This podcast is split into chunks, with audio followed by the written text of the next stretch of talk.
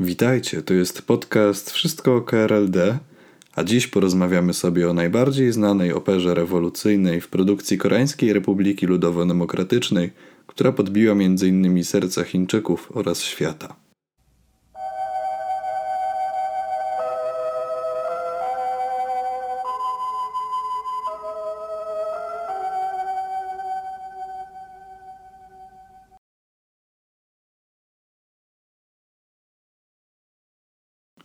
Flower Girl, czyli w polskim tłumaczeniu Kwiaciarka, to najbardziej znana północno-koreańska opera oraz film. Jest ona dziełem z północno-koreańskiego rewolucyjnego gatunku teatralnego, który według źródeł północno-koreańskich został napisany przez samego prezydenta Kim Il-sunga. Choć powszechnie mówi się, że jedynym autorem spektaklu był właśnie prezydent Kim Il-sung, to chińscy krytycy poddają w wątpliwość wiarygodność tego stwierdzenia i sugerują, że inni pisarze z Korei Północnej również mogli mieć jakąś formę ingerencji w tworzeniu tejże opery. Akcja rozgrywa się w latach 30. XX wieku i opiera się na antyjapońskim ruchu partyzanckim z okresu japońskiej okupacji w Korei. Biedna wiejska dziewczyna codziennie zbiera kwiaty na górze, by potem móc sprzedać je na targu, aby mogła opiekować się chorą matką. Jej siostra jest niewidoma, a jej ojciec nie żyje. Matka zadłużona jest u właściciela mieszkania i nie może kupować żywności. Zwolennicy właściciela często nękają dziewczynę i żądają od niej, aby przekonała matkę do pracy, lecz ta im odmawia. Główna bohaterka odkrywa wkrótce, że jej niewidoma siostra śpiewa na ulicach, aby również pomóc matce i zdobyć dla nich trochę pieniędzy. Wkrótce dziewczyna zbiera wystarczającą ilość gotówki, aby kupić matce lekarstwa, lecz po powrocie do domu odkrywa, że jej matka już nie żyje. Po pewnym czasie żona gospodarza choruje i za swą chorobę obwinia niewidomą siostrę dziewczynki, o której mówi, że jest opętana przez ducha jej zmarłej matki. Kiedy dziewczyna kwiat wraca do domu i pyta, dokąd poszła jej siostra, krępują ją poplecznicy właściciela. W samą porę jej brat, żołnierz armii rewolucyjnej, wraca do domu i zdaje sobie sprawę, że dziewczyna kwiat została uwięziona.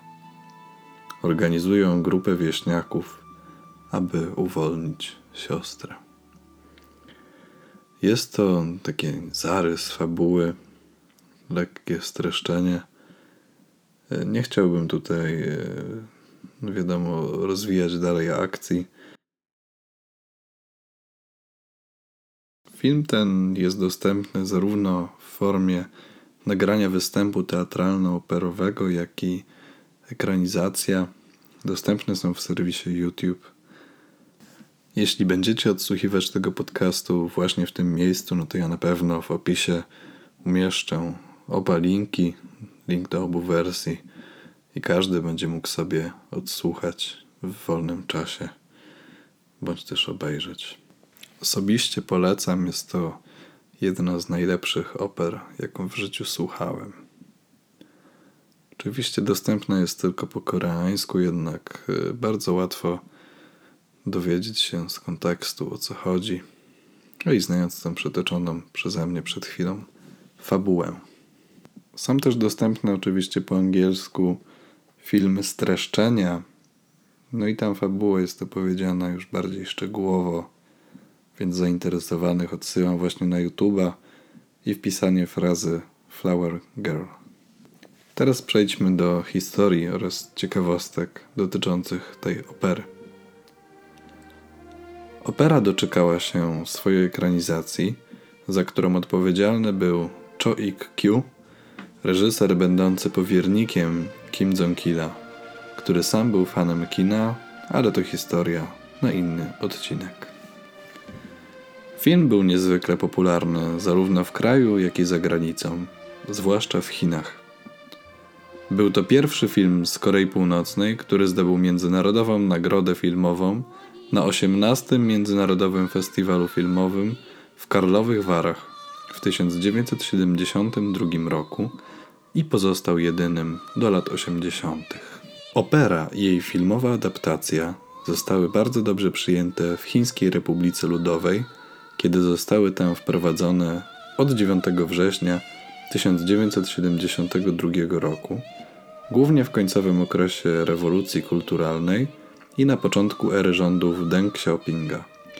Ponieważ film był wyświetlany w chińskich kinach w okresie rewolucji kulturalnej, stał się niezwykle popularny ze względu na zawartość opartą na rewolucji proletariackiej, do tego stopnia, że kina przyjęły nawet 24-godzinny cykl wyświetlania z powodu wysokiej sprzedaży biletów.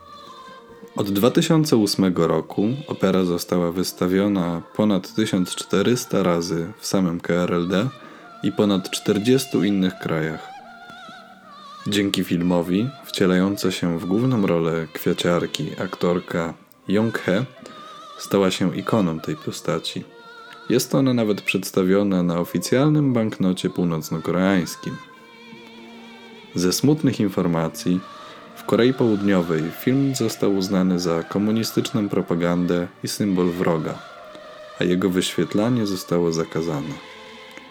Policję często mobilizowano, gdy studenci uniwersytetów oglądali film na kampusie, a studenci byli często oskarżani o sympatię dla Korei Północnej, co w Korei Południowej jest karalne. W 1998 roku Sąd Najwyższy Korei Południowej orzekł, że Dziewczyna z kwiatami i sześć innych filmów z Korei Północnej nie sprzyjały nastrojom antyrepubliki Korei Południowej w odniesieniu do przepisów bezpieczeństwa narodowego.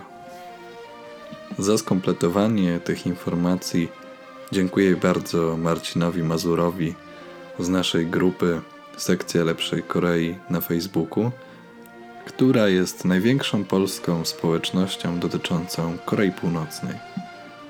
Zapraszam Was również na stronę facebookową Wszystko KRLD, naszą wspomnianą już grupę Sekcja Lepszej Korei, w której pamiętajcie, aby odpowiedzieć na pytania członkowskie, gdyż pomaga to mi oraz innym administratorom w dodawaniu nowych członków. Zapraszam Was jeszcze na może mniej używanego, ale jednak Instagrama, wszystko KRLD. A teraz kończąc, chciałbym powiedzieć, że może słyszycie zmianę w jakości audio. Udało mi się zainwestować w lepszy sprzęt do nagrywania, więc mam teraz już profesjonalny mikrofon. No i chciałbym rozwinąć tę formę, gdyż w Polsce nie ma jeszcze takiego podcastu dotyczącego stricte Korei Północnej, a ja z chęcią poopowiadałbym Wam o różnych aspektach tego kraju więc jeśli macie jakiś pomysł, to możecie napisać czy na Facebooku, czy na Instagramie, czy w komentarzach na YouTubie, o czym chcielibyście usłyszeć, a ja postaram się to jak najlepiej przygotować. Dziękuję za wysłuchanie tego odcinka i zapraszam Was już na końcówkę, czyli wysłuchanie głównego motywu z kwiaciarki. Do usłyszenia. Wszystko o KRLD. Wiktor Błażyński.